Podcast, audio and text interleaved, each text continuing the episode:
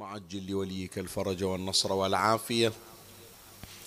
وانصره نصرا عزيزا وافتح له فتحا يسيرا وهب له من لدنك سلطانا نصيرا. رب اشرح لي صدري ويسر لي أمري واحلل عقدة من لساني يفقه قولي. يا كاشف الكرب عن وجه أخيه الحسين اكشف كربي بجاه أخيك الحسين. نادي عليا مظهر العجائب تجده عونا لك في النوائب.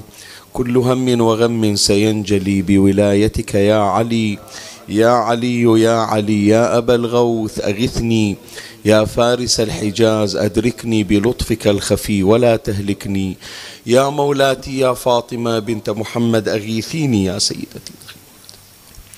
صلى الله عليك يا سيدي ويا مولاي يا رسول الله. صلى الله عليك وعلى آلك الطاهرين فاز من اعتصم بكم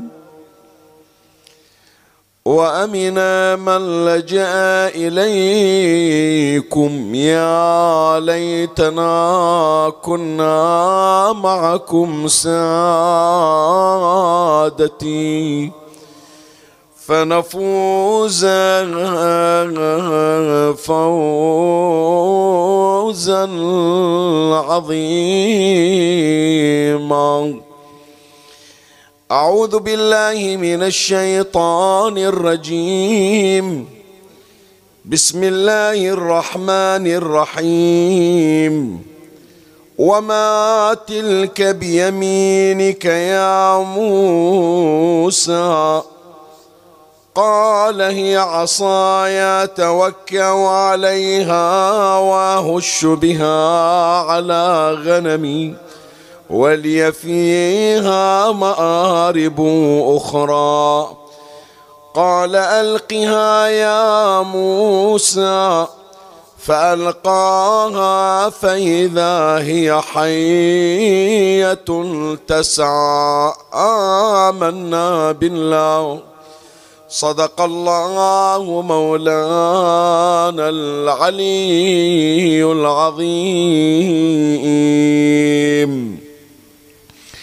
الآيات الكريمة المتلوة سلفا تشير إلى المعجزة البارزة لنبي الله موسى الكليم على نبينا وآله وعليه وعلى سائر الأنبياء والمرسلين آلاف التحية وأزكى السلام. وهذه المعجزة التي تعرف بمعجزة العصا هي أبرز معاجز نبي الله موسى. نبي الله موسى عنده مجموعة من المعاجز. معجزة الدم معجزة الضفادع معجزة القمل معجزة الجراد معجزة الطوفان أو شق البحر معجزة خروج. العيون الاثنى عشر أو خروج العيون الاثني عشر من الحجر وما إلى ذلك مجموعة من المعاجز جرت إلى نبي الله موسى عليه السلام. لكن المعجزة البارزة معجزة العصا بحيث إذا سئل إذا سئل موسى الكليم عليه السلام أو غير موسى من الأنبياء عن معجزة موسى يجيب بعصاه العصا التي من الله تبارك وتعالى بها عليه. والعصا هذه الإعجاز فيها أنها ميتة يابسة لا حياة فيها تتحول كما ورد في القرآن أو في الروايات إلى حي أو ثعبان يتحرك يعني تدب فيها الحياة. فيتحول أو تتحول هذه العصا إلى مخلوق. المخلوق فيه حياة تدب فيه الحياة وقادر على فعل الخوارق ولا عاجب. الآن يبقى الكلام هل أنه فعلا يتحول تتحول العصا إلى حية فعلا؟ بحيث لو أن هناك عالم من علماء الأحياء أو مختبر مثلا يشرح هذه المعجزة سيكتشف أن تركيبها كتركيب الحية أو الثعبان أو لا هو مخلوق آخر لكن بصورة الحية. هذا الآن ما ندخل فيه. هذا البحث ما إلنا شغل فيه. وإنما يكفي أن الإعجاز هو تحول العصا إلى كائن حي إلى مخلوق حي. عبر عنه بعصاة موسى أو عبر عنه القرآن الكريم بأنها حية أو ثعبان. وهذه الحية وهذا الثعبان فعل الكثير من الأعاجيب وسيمر علينا إن شاء الله في أثناء البحث. لكن من من خلال ما تقدم نتوصل إلى هذه الحقيقة. القرآن الكريم تحدث عن مجموعة من المخلوقات الغريبة. مخلوقات غير قابلة للتكرر. هذه عصاة موسى غير قابلة أنها تتكرر في قابل الأيام. ما يمكن أن أحد يحول من عصا ميتة جافة يابسة لا روح فيها إلى مخلوق فيه حياة. وهناك سلسلة سوف نشرع في بيانها إن شاء الله. من هذا الأسبوع والأسابيع اللاحقة نتحدث فيها عن المخلوقات الغريبة التي ذكرها القرآن الكريم. والتي هي تدل على قدرة الله تبارك وتعالى. واحدة من هذه المخلوقات القرآنية التي ذكرها القرآن عصاة موسى. عصاة موسى إلى الآن يا إخواني ما شفنا بحث يتحدث عنها. أنا في بحثي المتواضع وفي مطالعاتي ما شفت يعني هناك من أفرد بحث مستقل للحديث عن عصا موسى. حتى التصور العام الموجود سواء كان عند الأطفال أو عندنا إحنا. غاية ما وصلنا إليه أن هذه العصا شنو وظيفتها؟ كما ذكر القرآن عصا في يد موسى يلقيها موسى فتتحول إلى مخلوق حي على هيئة حية أو على هيئة ثعبان يلتقف سحر السحرة. أكثر من هذا بعد ما نعرف. زين هي العصا من وين إجت؟ من أي شجرة إجت؟ كم سنة عمرها؟ هي العصا هل تفعل شيئا غير التقام سحر السحرة؟ عندها بعد مهام أخرى وظائف أخرى. طيب هل استخدمها شخص قبل موسى؟ هل استخدمها شخص بعد موسى؟ هل هذه العصا بعد رحيل موسى؟ ضاعت أتلفت أو أنها لا زالت موجودة. هل سيأتي يوم وسنرى هذه العصا؟ زين هي كلها معلومات وتساؤلات يمكن ما وردت أصلا بالأذهان. مع العلم يا إخواني أنت لما تتكلم واحد يقول شيخنا إيش أستفيد من هالكلام. لا شلون ما تستفيد من عنده؟ هذا مطلب قرآني هذه معرفة قرآنية. والقرآن لما يجيب لك شيء لا تتصور أنت مستغني عنه لا. هذا التعلم والتعرف عليه زيادة في الاستغراق في القرآن وفي العلوم القرآنية يعني في حد ذاته نور. أضف إلى ذلك بأن الحديث عن عصا موسى هو حديث عن أسرار سادتنا محمد وآل محمد صلوات الله عليهم أجمعين. فلهذا هذه الليلة سنبتدئ الحلقة الأولى من سلسلة مخلوقات قرآنية. والمخلوق القرآني الأول هو عصاة موسى سوف نتحدث عنها في بحث في بحث إن شاء الله يكون متوسع ومفصل ويشتمل على فصول ثلاثة أمر عليها تباعا. ومن الله أستمد العون والتوفيق. ومن مولاي أبي الفضل العباس المدد. ومنكم ألتمس الدعاء. وثلاثا بأعلى الأصوات صلوا على محمد وآل محمد.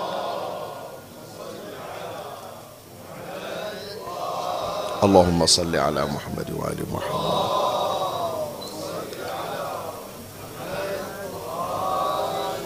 اللهم صل على محمد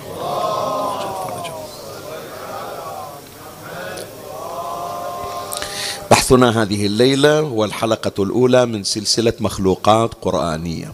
وعنوان البحث عصا نبي الله موسى عليه السلام. والبحث يشتمل على فصول ثلاثة. البحث إن شاء الله راح يكون شيق مليء بالمعلومات الجديدة.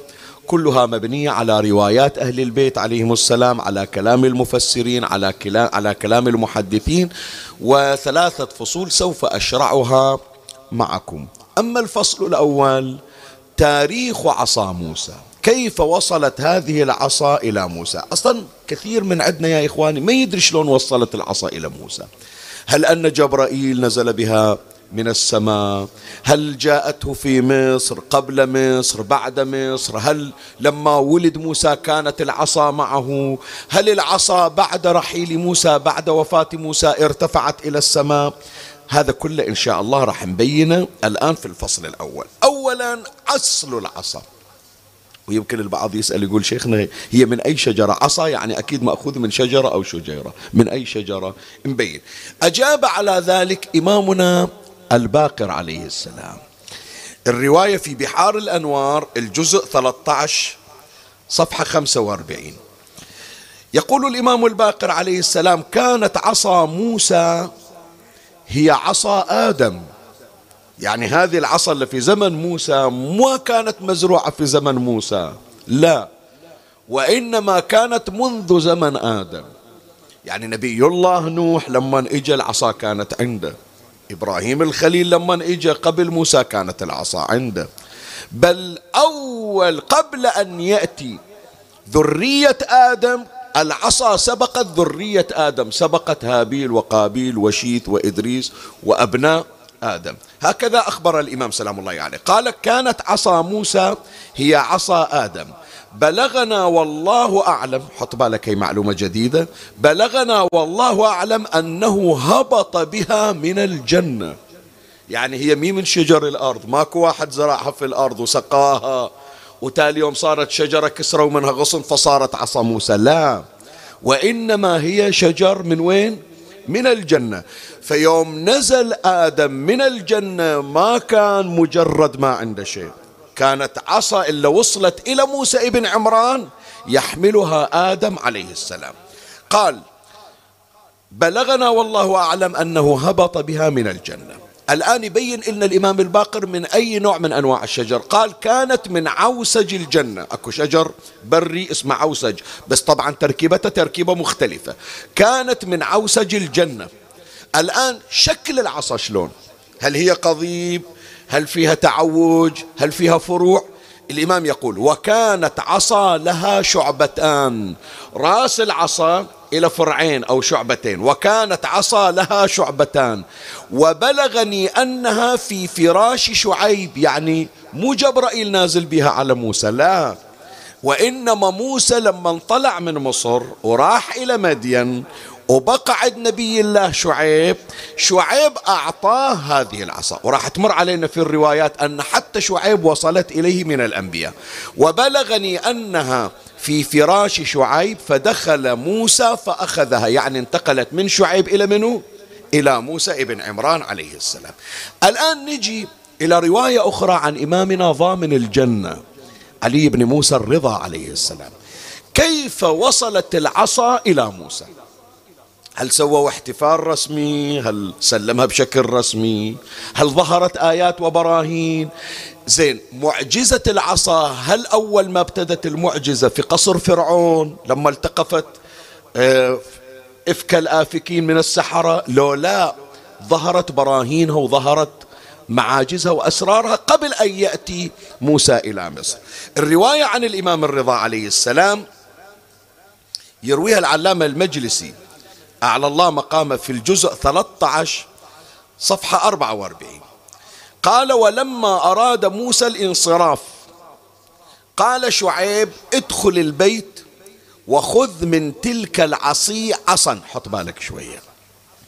كل نبي من الأنبياء عنده عصا خاصة به. أكو عصا إلى آدم. أكو عصا إلى نوح أكو عصا إلى إبراهيم. يعني أكو هناك 124 ألف عصا كل نبي عنده عصا من المقتنيات الخاصة.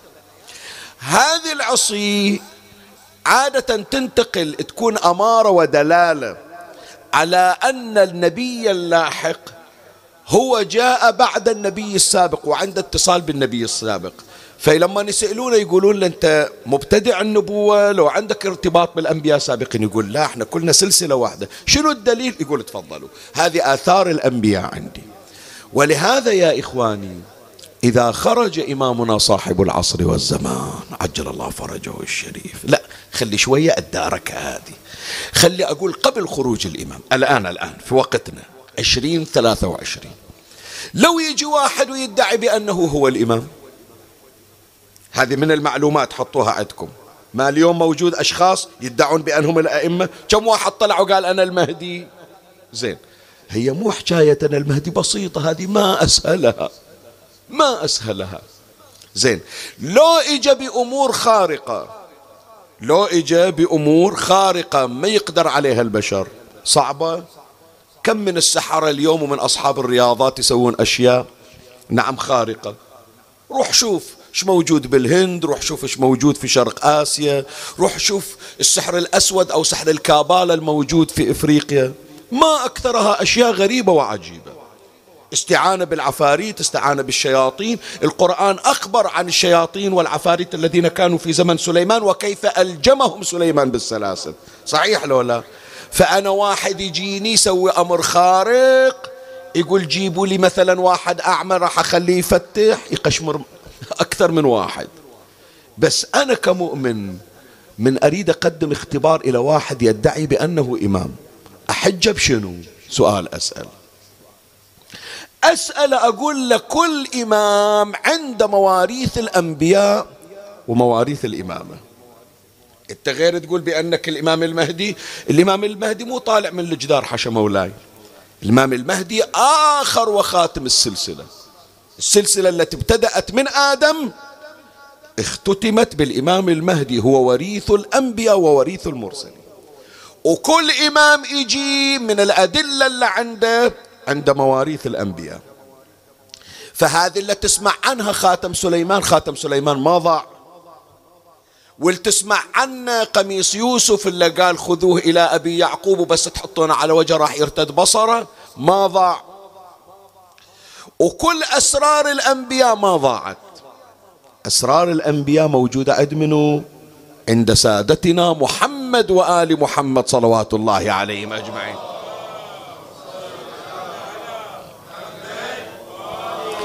فواحدة من الأدلة يا إخواني باكر من يطلع إمامنا صاحب الزمان عجل الله فرجه الشريف. ويجي واحد افرض من الملاحدة افرض أصلا لا يؤمن بوجود الله ولا يعرف شيء اسمه انبياء. شي دريني انه انت امام من عند الله. أنا أصلا انكر وجود الله. أصلا ما عندي شيء اسمه الله. إيش دراني عنك انت شنو؟ صدق امام لو واحد من ذول اللي يطلعون اصحاب الحركات السياسية مثل بن لادن وغير بن لادن. شي دريني بأن حركتك حركة عقائدية. يقول اللي قدموه الأنبياء سابقا راح أقدمه إليك. أجيب لك شيء من الأمور الخارقة. معاجز الأنبياء كلها عندي. هذه العصا التي تتحول من عصا يابسة لا روح فيها إلى مخلوق. راح أراويك الآن. الآن أفلق لك البحر. الآن أضرب على الحجر والحجر تنبجس منه اثنتا عشر عينا. الآن هذا القميص اللي يلبس اللي كان لابسنا إبراهيم الخليل وحطونا بالنار ولا يحرق. راح أراويك إياه. الآن الخاتم اللي كان عند سليمان اللي بس يلبس الخاتم ويقعد على البساط البسيط البساط يأخذه شرقا وغربا راح أراويك إياه. مو أنا أصعد أنا ما أحتاج إلى خاتم سليمان. خاتم سليمان لم يعمل في يد سليمان إلا لما ذكر عليه أسماء محمد وآل محمد صلوات الله عليهم أجمعين. إحنا مو مثل سائر الأنبياء. سليمان ما يقدر يطير من غير الخاتم. موسى ما يقدر يقاوم فرعون من غير العصا. إبراهيم ما يقدر يطب النار من غير هذا القميص. بس إحنا السر إحنا سر الأسرار. إحنا سر خاتم سليمان إحنا سر قميص يوسف إحنا سر عصا موسى. بس أراويك هي الخاتم هذا الخاتم شو يسوي؟ أراويك هذا العصا شو يسوي؟ هذول أنصاري مو أنا ما أحكي لك عني أنا. أحكي عن أنصار ال 313 بسر هذا الخاتم أخليهم يجونك على السحاب لا طائرة ولا غار طائره 313 أراويك. أقدر أقول لهم أقدر أحجز لهم تذاكر وأجيبهم. first class أقدر أجيبهم. ما حد يدري عنهم. بس راح يصيرون حالهم حال غيرهم. لكن أراويك إياهم بداية اعجازي أن اتي بأصحابي من المشرق والمغرب يطيرون على السحاب حتى يجتمعون عندي في مكة المكرمة. فيقولون إذا الأنصار ال 313 هي أسرارهم. قائد الأنصار صاحب الزمان إيش عنده من أسرار؟ فيا إخواني الزمن آخر الزمن زمن المعاجز. واحدة من الأجوبة أنه لو واحد يجي يريد ينكر الإمام حتى جماعة راح يتوقفون عن اتباعه. تعال أنت اللي تنكر الإمام المهدي تعال شوف إيش عنده. جاب لنا معاجز الأنبياء جاب لنا مواريث الأنبياء. فإذا هذه العصي كلها وهذه المعاجز المواريث موجودة عند الأنبياء وكل نبي يسلمها للنبي اللاحق. حتى اجتمعت عند أهل البيت سلام الله عليهم يعني. الفصل الثالث راح نتحدث كيف أن العصا وصلت إلى أهل البيت وهي موجودة عندهم. فخلي أقرأ لك الرواية. قال ولما أراد موسى الانصراف قال شعيب ادخل البيت وخذ من تلك العصي عصا. يعني كل نبي عنده عصا وأنا مجمع العصي اختار لك عصا من تلك العصي. تكون تكون معك تدرأ بها السباع. وقد كان شعيب أخبر بأمر العصا. شعيب يعرف بأن هي العصا إلها معجزة خاصة بس واضح بأن المعجزة ما اشتغلت عند شعيب ما يشغلها إلا منه إلا موسى الكليم. يعني العصا اللي عند شعيب حط بالك. العصا اللي مالت موسى يوم كانت عند شعيب لو يريد شعيب يحولها إلى حية أو ثعبان ما تشتغل بإيده. تشتغل بإيد منو؟ موسى. لأنها معجزة من؟ ما يقولون عصا شعيب. يقولون عصا منو؟ عصا موسى. وظيفة شعيب الحفاظ على العصا. قال الإمام الرضا عليه السلام وكان شعيب أخبر بأمر العصا التي أخذها موسى. فلما دخل موسى البيت حط بالك الآن راح تتفاجأ. قال الإمام الرضا فلما دخل موسى البيت اللي فيه العصي وثبت إليه العصا. يعني ما اجى يدور بالعصا واختار العصا.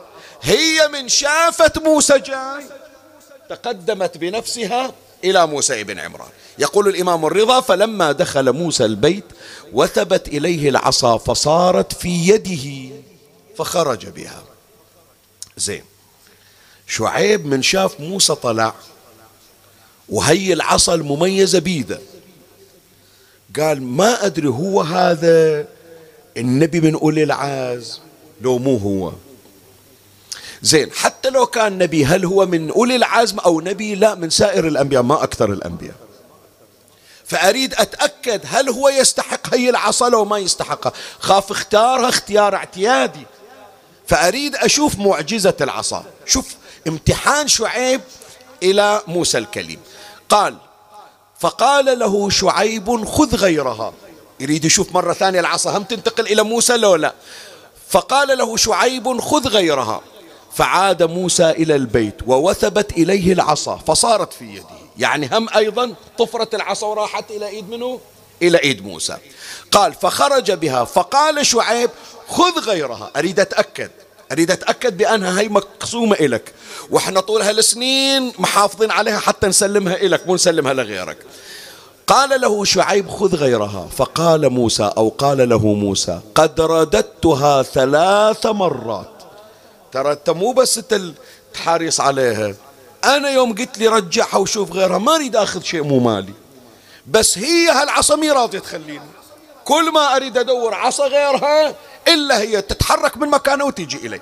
قال رددتها ثلاث مرات كل ذلك تصير في يدي. فقال له شعيب خذها. يعني هذه هي. إحنا ترى أنبياء سبقوني ووصلت إلي حتى نسلمها إليك. صاحب العصا اجى الها الآن يا إخواني كل اللي شافه موسى ابن عمران من العصا أنها تحركت وجاءت إليه. بعدها ما تحولت حية وما صارت ثعبان وما طلعت أسرارها. يعرف بأن هذه عصا من عصي الأنبياء حافظ عليها شعيب وشافت تتحرك وإجت إليه. متى علم موسى أسرارها؟ مو يوم راح إلى فرعون لا. ابتدأت أسرار العصا تظهر قبل أن يصل موسى إلى مصر لمواجهة فرعون. الرواية ينقلها العلامة المجلسي على الله مقامه في بحار الأنوار الجزء 13 صفحة 61 حط بالك قصة جدا شيقة يرويها العلامة المجلسي.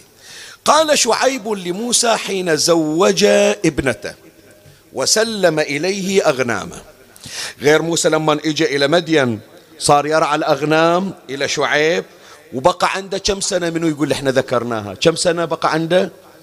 كم؟ عشر سنوات. بالأساس كانت كم؟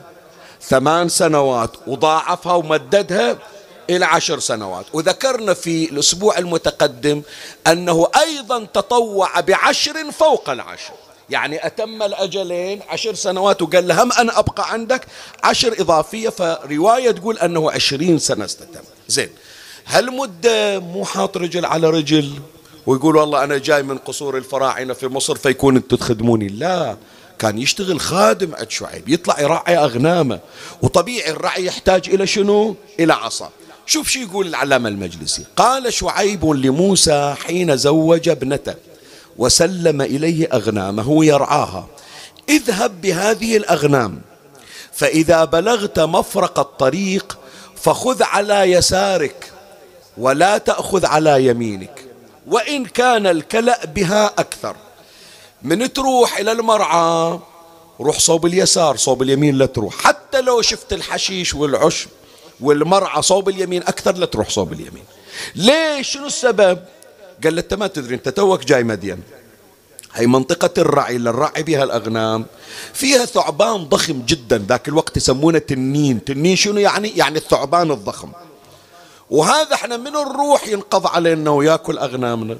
فأنت حافظ على نفسك وحافظ على الأغنام لا تروح صوب اليمين. صوب اليمين خطر روح صوب اليسار.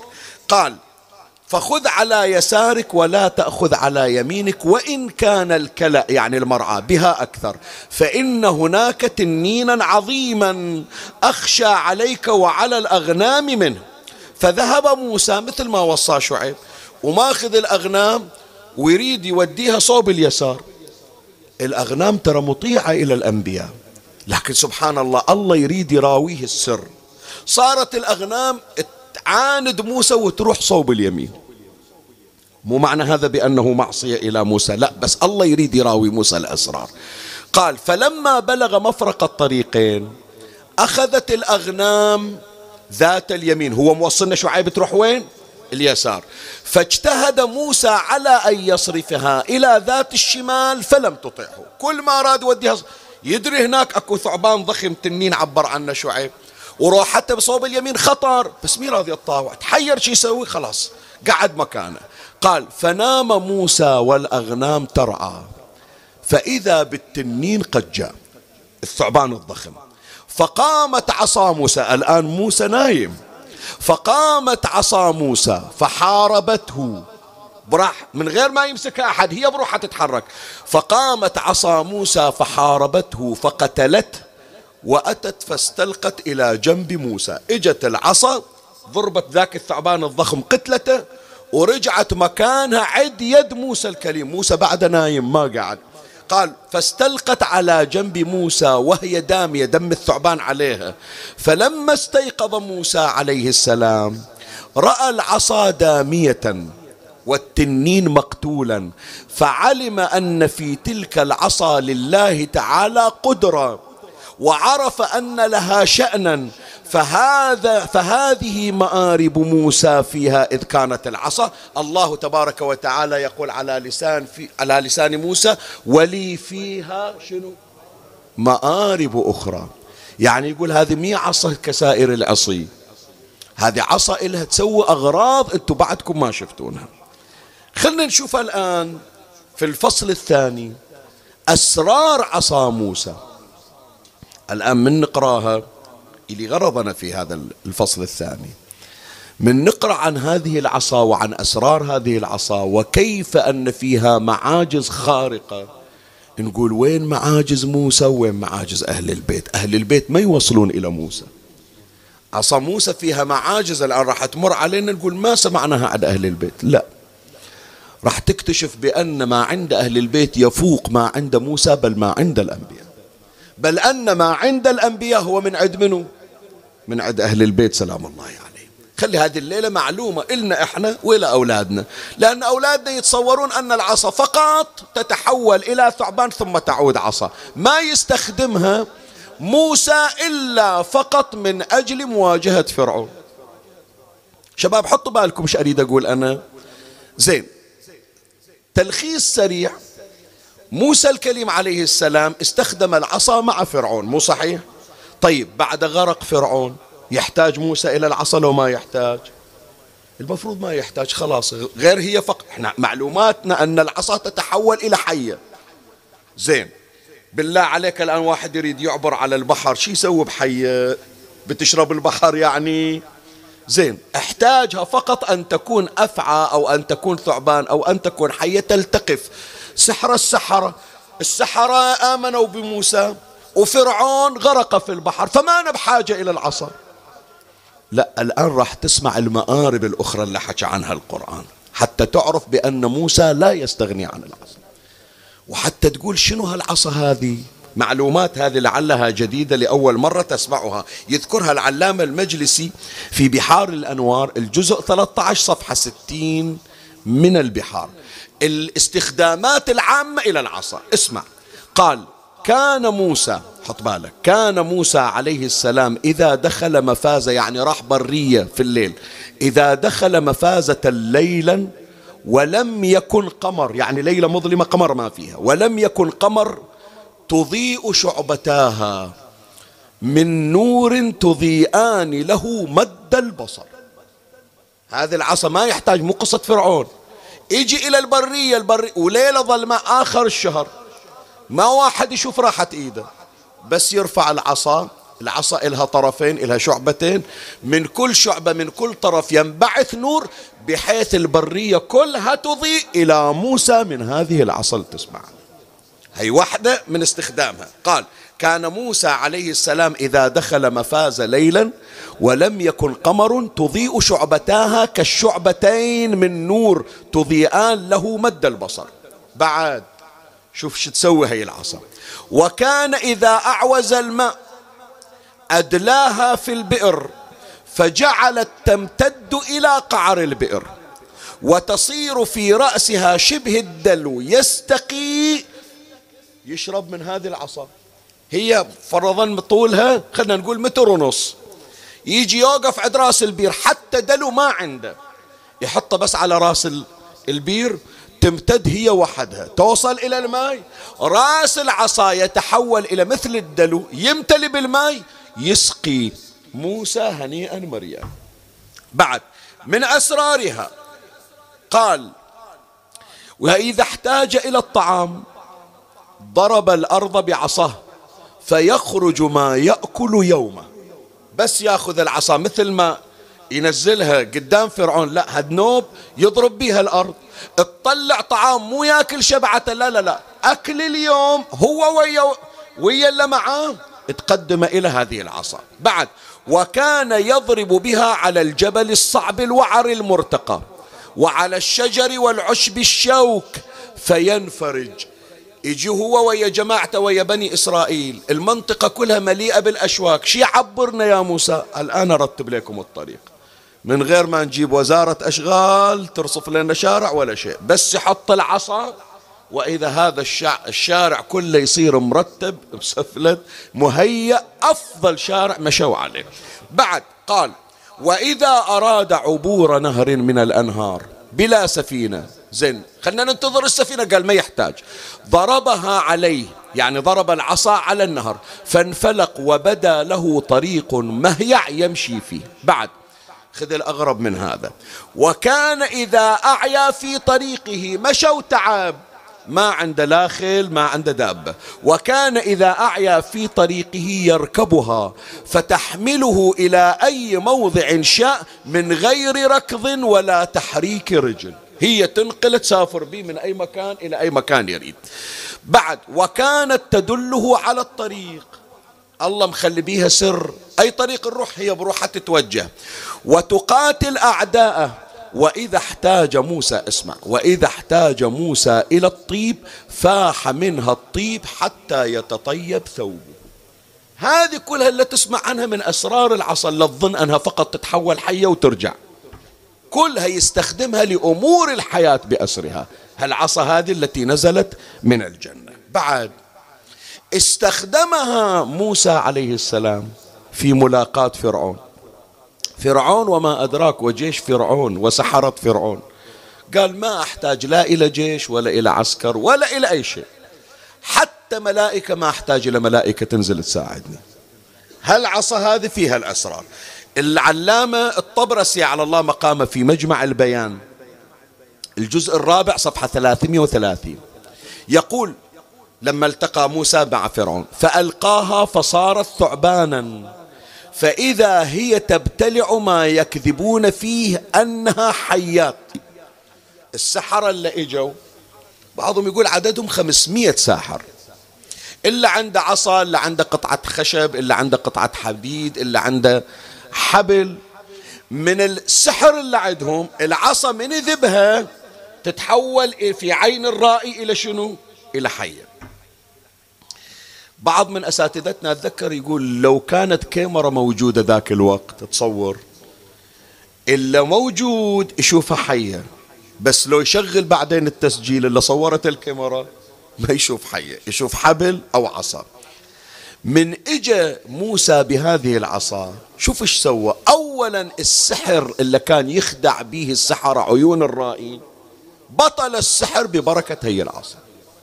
وفوق هذا تحولت العصا إلى أفعى وصارت تأكل العصي والحبال والحديد. وترجع العصا بعدين يدورون عصيهم ما يحصلونها خلاص راحت ابتلعتهم تلك العصا. يقول الشيخ الطبرسي فألقاها فصارت ثعبانا فإذا هي تبتلع ما يكذبون فيه أنها حيات. صارت العصا حية في الحقيقة. وبطل ما كانوا يعملون أي بطل تمو يعني حتى سحرهم بطل. ليش؟ لأن موسى عليه السلام ألقى العصا. عندي إشارة ما ذاكرنها بالتحضير بس بركات أهل البيت سلام الله عليهم. يوم إجا موسى ويا هارون والسحرة قدامهم كل واحد ذب العصا صارت العصا حية. كل واحد ذب الحديدة صارت الحديدة حية. كل واحد ذب الحبل صار الحبل حية. موسى ما قدر يبطل السحر. ما يبطل السحر إلا أول العصا يلقيها. فالسر يا جماعة في وين؟ في موسى لو في العصا؟ في العصا. لو ما كانت العصا عند موسى السحر بعد شغال عند السحرة. تعال إلى أشرف الخلق محمد صلى الله عليه وسلم.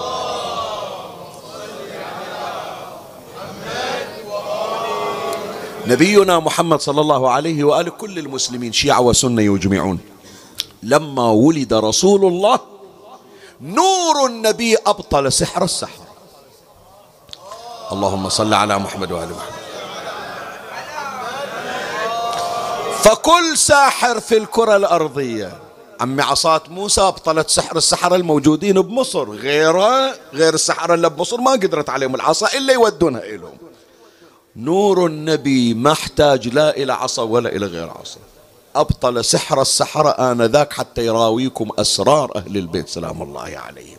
زين فإذا من استخدام العصا استخدمت في مواجهة فرعون وسحرة فرعون. بعد استخدمها موسى في فلق البحر. بس هي الرواية اللي نقراها الآن الرواية عن الإمام العسكري عليه السلام. يرويها العلامة المجلسي في بحار الأنوار الجزء 91 صفحة 6 يقول صح موسى ضرب بالعصا البحر فانفلق البحر. لكن السر مو بالعصا. السر مثل ما نقول نقول إحنا اليوم بمصطلحاتنا بالكود الموجود بالعصا بالشفرة الموجودة بالعصا. بالباسورد الموجود بالعصا. من غير هذا الكود العصا ما تشتغل. زين شنو هذا الكود؟ شنو كلمة السر؟ يعلمنا الإمام العسكري عليه السلام. قال فأوحى الله إلى موسى اضرب بعصاك البحر وقل اللهم بجاه محمد وآله الطيبين لما فلقته ففعل فانفلق وظهرت الأرض إلى آخر الخليل.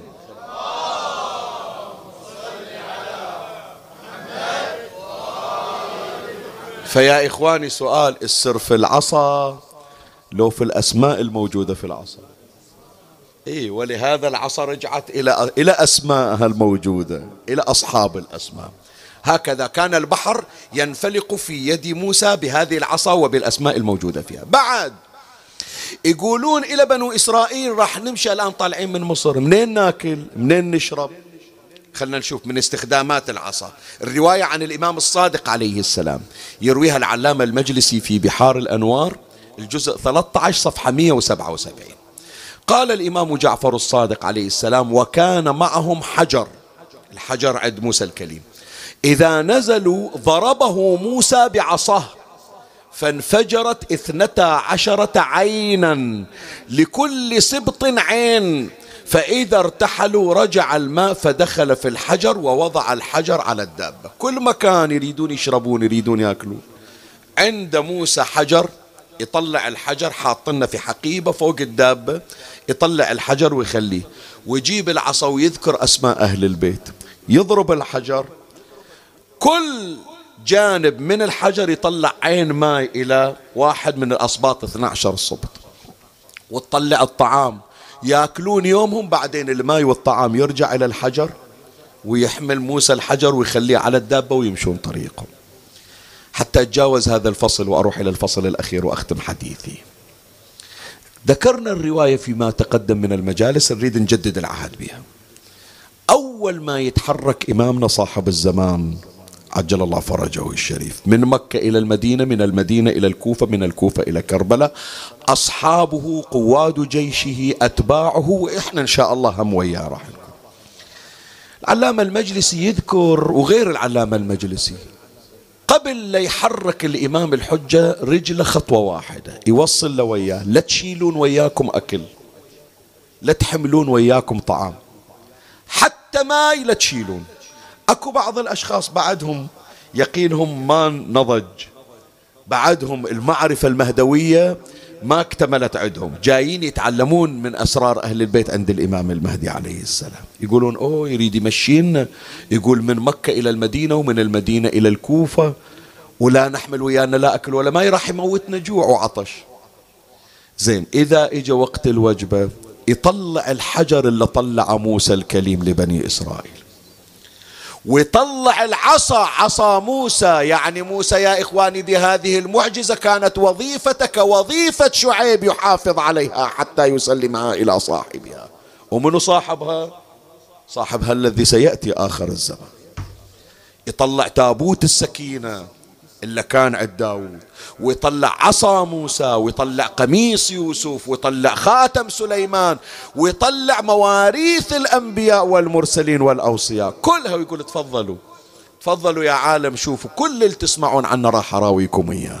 والما كان يعتقد بالأنبياء الآن أراويكم مواريث الأنبياء. ليش إحنا نقرأ يا إخواني؟ السلام عليك يا وارث آدم صفوة الله. زيارة وارث ليش؟ ما تفكر فيها؟ أكو ناس أصلا ما يعتقد لا بآدم ولا إبراهيم ولا موسى ولا عيسى ولا سائر الأنبياء. يشتغل عليهم من جديد صاحب الزمان.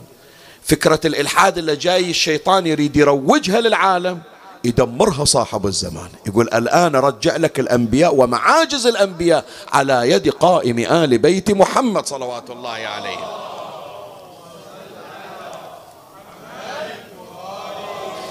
الفصل الثالث والأخير. هي العصا اللي تكلمنا عنها. اللي نزلت من الجنة نزلها آدم واللي توارثوها الأنبياء واللي وصلت إلى موسى فصارت معجزته وسميت به فقالوا عصا موسى. وين موجودة الآن؟ أحسنت عند إمامنا صاحب الزمان. قبل لا يولد صاحب الزمان كانت عند منه كانت عند أئمتنا وصلت إلى النبي صلى الله عليه وآله ووصلت إلى أمير المؤمنين ووصلت لأهل البيت. ولهذا مسك الختام هي الرواية نذكرها. الإمام سلام الله عليه أمير المؤمنين للخواص ما يخلق فتنة طائفية الإمام لا. الإمام إذا شاف أنه الوضع يحتاج إلى مسايرة يبتدي بالتدريج. ويزرع الولاء في قلوب الخواص إلى أن يتعلق بأهل البيت ولا يفكر في سواه. وبعدين ينشئ الخاص من شيعته. بعدين يسوي شرطة الخميس. بعدين يطلع أمثال مالك الأشتر وأمثال الأصبغ بن نباتة وأمثال ذول الخواص. فلهذا عنده أشياء خاصة ما يراويها الإمام إلى أي أحد. ما يراويها إلا إلى أمثال كميل. وأمثال حبة العرني وأمثال أويس القرني وأمثال مالك الأشتر وأمثال نعم حارث الهمداني ذول الخواص حتى يثبت قلوبهم. كأنما الإمام يقول لهم كل واحد اليوم يدعي بأنه أحق بالخلافة. هي الخلافة مو مشترينها بفلوس. هي الخلافة ما رحنا إلى سوبر ماركت أو إلى مول أو إلى مكان سوق وقلنا ما عندكم خلافة تبيعونها نعطيكم فلوس وتعطونا إياها. هي الخلافة خلافة الله.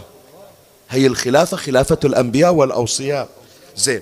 فاللي جاي قاعد الآن على الكرسي ويقول بأنه خليفة الله وخليفة رسول الله. إلا عند رسول الله خليه يطلع. وإلا عند الأنبياء خليه يطلع. وهالكرسي ما جاء إلا بعد جهود عيسى المسيح وموسى الكليم وإبراهيم الخليل ونوح النبي. إلا عند الأنبياء خليه يطلع. غير يقول هو خليفتهم وأنا أقول أنا خليفة الله. وأنا خليفة رسول الله. وأنا وارث الأنبياء وراح أراويكم مو حكي. طالبني بالدليل. الإمام لسان حالة يقول طالبني بالدليل. أقرأ لك الرواية حط بالك. راح نختم حديثنا.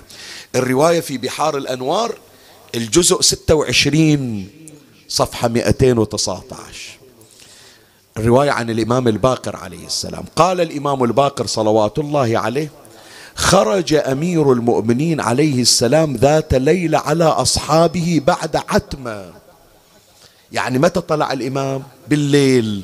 عقب ما تفرقت الناس وظلوا الخواص. هذا حديث للخواص.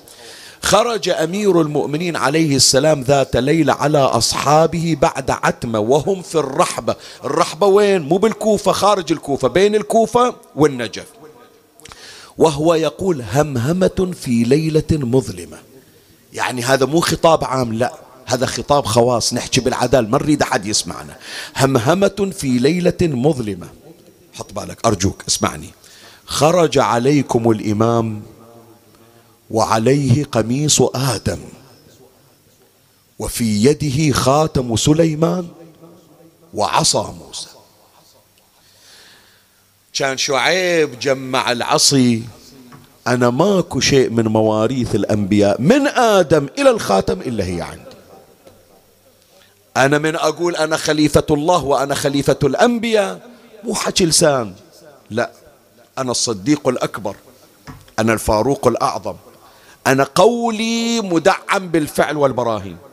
من أقول أنا وريث موسى هي عصاة موسى. من أقول أنا وريث سليمان هذا خاتم سليمان. من أقول أنا وريث آدم هذا قميص آدم اللي نزل به من الجنة. هذا عندي فأنا جاي أمثل الأنبياء. فكانت عصا موسى عند أمير المؤمنين سلام الله عليه. يعني. ليلة الواحد والعشرين من شهر رمضان أمير المؤمنين سلم العصا وبقية المواريث إلمن إلى الإمام الحسن عليه السلام. ليلة سبعة شهر صفر. سلم الإمام الحسن عصا موسى إلى منو؟ إلى الإمام الحسين. إجا يوم العاشر من المحرم. العصا عند الحسين عليه السلام. العصا كانت موجودة عند الحسين يوم العاشر عصاة موسى بيد الحسين. سلمها إلى من؟ إلى الإمام زين العابدين عليه السلام يذكرها الحر العاملي في في إثبات الهداة الجزء الرابع صفحة ستين. قال إن الحسين عليه السلام في وقت قتاله بكربلاء أحضر علي بن الحسين عليه السلام وكان عليلا فأوصى إليه بالاسم الأعظم ومواريث الأنبياء. واحد من المواريث شنو؟ بحثنا عصا سليمان. وعرفه أنه قد دفع العلوم والمصاحف والسلاح إلى أم سلمة. يقول الكتب ما جبناها. الكتب في المدينة عند أمنا أم سلمة زوجة النبي. فمن ترجع تستلم الصحف وتستلم الكتب من عند أم سلمة. بس سيف ذي الفقار عدنا. عصاة موسى عدنا. خاتم سليمان عدنا. جايبينهم وياي. لو واحد يريد يتأكد يقول شدران أنت إمام أطلعها إلى وأراويه مواريث النبوة والإمامة. الآن أبو محمد هي حملتي الأخيرة. يعني الآن من أفارقك بعد ما راح تشوف إلا راسي على الرمح فيكون أنت الآن تستلم المواريث.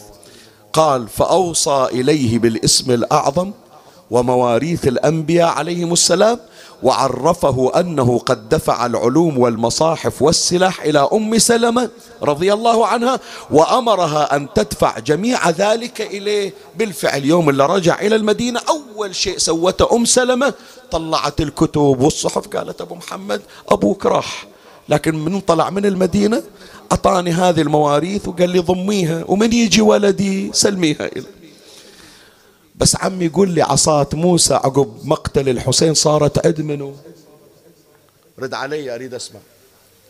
عصاة موسى كانت عد منه عد زين العابدين. ويظهر يا إخواني هي العصا التي كان يتوكى عليها. ما سامع أنت عم زينب علي بالعصا؟ علي بالسيف هذا ابن رسول الله بلا ناصر ولا معين. أي عصا؟ هذه سؤال أسأل. أي عصا؟ هذه عصا موسى. وأحكي لك حكاية توجع القلب. يذكرها الشيخ المازندراني في معالي السبطين يوم الحادي عشر جاء زجر بن قيس. ونادى قوموا يا خوات الخارج واركبن على ظهور النياق. فقالت مولاتي زينب عليها السلام أما تستحون؟ دعونا يركب بعضنا بعضا. ما عندكم مروة ما عندكم حمية. ذولا ودايع مخدرات ستورات. ما أجنبي يوم من الأيام شاف طول واحدة من إلا البارحة خليتونهم يتراكضون من خيمة إلى خيمة. شلون واحد من عندكم أجنبي ما يقبل على حريمة يصعد بواحدة من بنات الزهرة؟ زين ما عندك رجال؟ زينب قالت أنا عن الرجال. قوة أخويا الحسين بيا غيرة أخويا أبو فاضل بيا. زين أنت البارحة مصلية من جلوس ما بيك حيل توقفين تصلي ركعتين؟ قالت لا مهمة وخلاها أخويا الحسين على رأس. دعونا نركب بعضنا بعضا.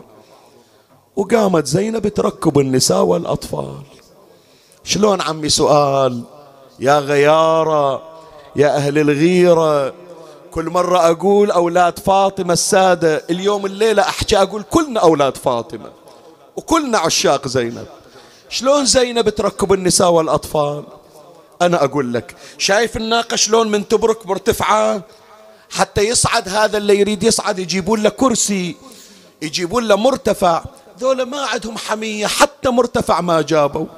إيش سوت زينب؟ عم يسمعني تقعد زينب على الأرض متربعة. وتلتفت للحرمة تقول لها خية حطي ركبتك على كتفي وصعدي على ظهر الناقة. ولا ليلة 11 ما عندها طاقة تصلي واقفة صلت من جلوس صعدت ستين حرمة على كتفها آه اللي وجدك يا زينب. ظلت زينب ويا أختها أم كلثوم. التفتت زينب إلى أم كلثوم قالت أخي اركبي قالت لا والله ما أسويها. أنت أختي الكبيرة راحت أم فاطمة صرت أنت بمكان أم فاطمة. لا أخي أنت اركبي. زينب قالت لا تطولين أم كلثوم شلعتي قلبي. يلا حتى نتحرك. أنت ما تعصين لي أمر؟ اصعدي خلي أركبك. إن شاء الله خيا ما أعصي لك أمر. لكن سؤال رد علي إذا أنا ركبت أنت من يركبك؟ شلون تصعدي قالت اصعدي وأنا أدبر حالي. الآن واحد يقول لي شيخ ياسين أنت تحكي عن عصا موسى جيبها؟ أنا أقول لك. فلما أركبت زينب وأم كلثوم ظلت وحدها ما عدها أحد. عينها صوب المشرعة. وينك يا أبو الغيرة؟ وينك يا اللي إجيت صعدتني؟ قلت لي صعدي على كتفي تقوم شوف حيرة أختك زينب. يقول الشيخ المازندراني وإذا بشاب عليل أقبل يتوكع على عصا. هي العصا اللي نحكي عنها عصا موسى طلع طلع زين العابدين بها تعالي عمه أنا اركبك شلون تركبني يا أبو محمد؟ شوف حالتك. قال لها ولا أخلي أجنبي يصعدك إيش أسوي؟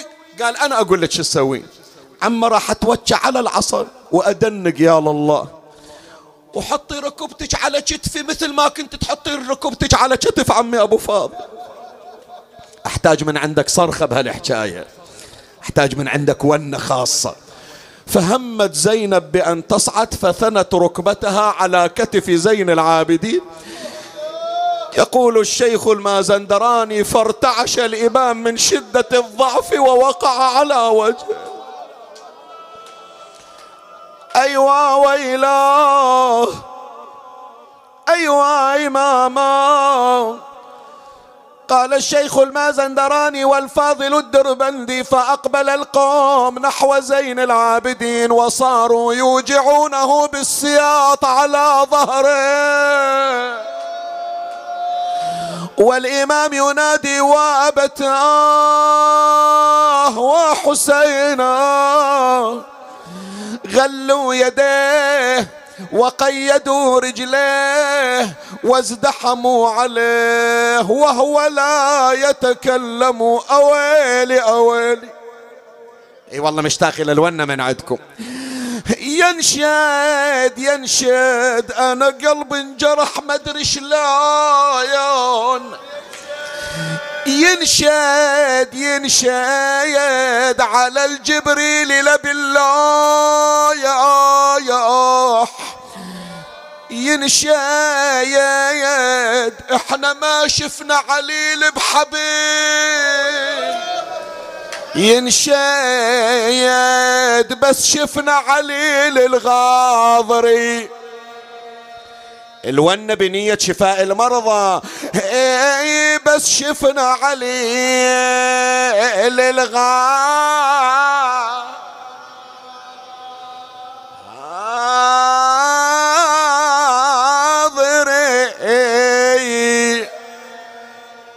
هي الونة قلناها بنية شفاء المرضى.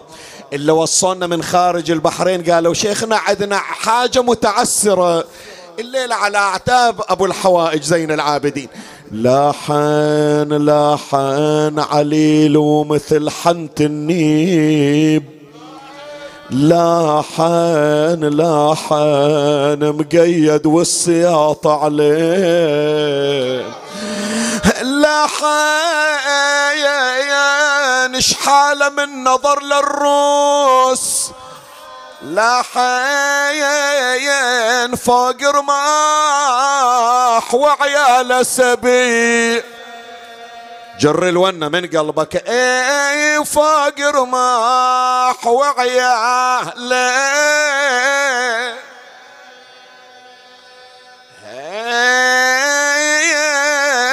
سبي مسك الختام نريد ونة أهل البحرين جايين ضيوف من خارج البحرين. خلي الونة كلها واحد يرد على الثاني مثل ما كانوا آبائنا يقرون. مروا بزين العابدين مقيدين. ولا طلع فزاع من أهل المدينة ارفع صوتك. مروا بعلي المقيدين على المطي ونا يطوحها ويجر ونا خفي ينظر ابوها على الثرى مرمي رمي. وصدره يا ويلي بالحوافر كاسرين. ومشوا الجامعة على صدره. والتفت وإذا أبوه مقلوب على وجهه. جثة بلا راس. قال لأبويا سامحني راح أجيك ورا يومين وأنا أدفنك بيدي. لكن يا أبويا قبل لا أتحرك أسايلك. لو سايلون أهل المدينة وقالوا أبوك حسين وين أقلهم أبويا ذابحين بالخيل صدر مكسرين دفلنا أبونا وجينا تراه سفرة القشرة. أبي كنت قبل اليوم لا أعرف البكاء ولا سمحت لي بالدموع. جفون اللهم صل على محمد وآل محمد. ارفعوا أيديكم بالدعاء إخواني. لمن سألونا الدعاء لحوائجنا وحوائجكم وندعو أولا لإمامنا صاحب العصر والزمان. بك يا الله بمحمد بعلي بفاطمة بالحسن بالحسين بعلي بمحمد بجعفر بموسى بعلي بمحمد بعلي بالحسن بالحجة ابن الحسن. بجاه مولاتنا أم البنين بجاه ولدها كاشف الكرب عن وجه أخيه الحسين بجاه كل ذي جاه عندك اقض حوائجنا يا الله. فرج عنا وعن المؤمنين اشف مرضانا وأمراضنا يا رب العالمين. فك قيد الأسرى والمعتقلين رد الغرباء والمبعدين. عجل اللهم فرج إمامنا يا رب العالمين. شرفنا برؤيته وارزقنا شرف خدمته. ترحم على امواتي وأموات الباذلين والسامعين والمؤمنين سيما من لا يذكره ذاكر ولا يترحم عليه مترحم. أوصل لهم جميعا ثواب هذا المجلس الشريف وبلغهم ثواب الفاتحة مع الصلوات.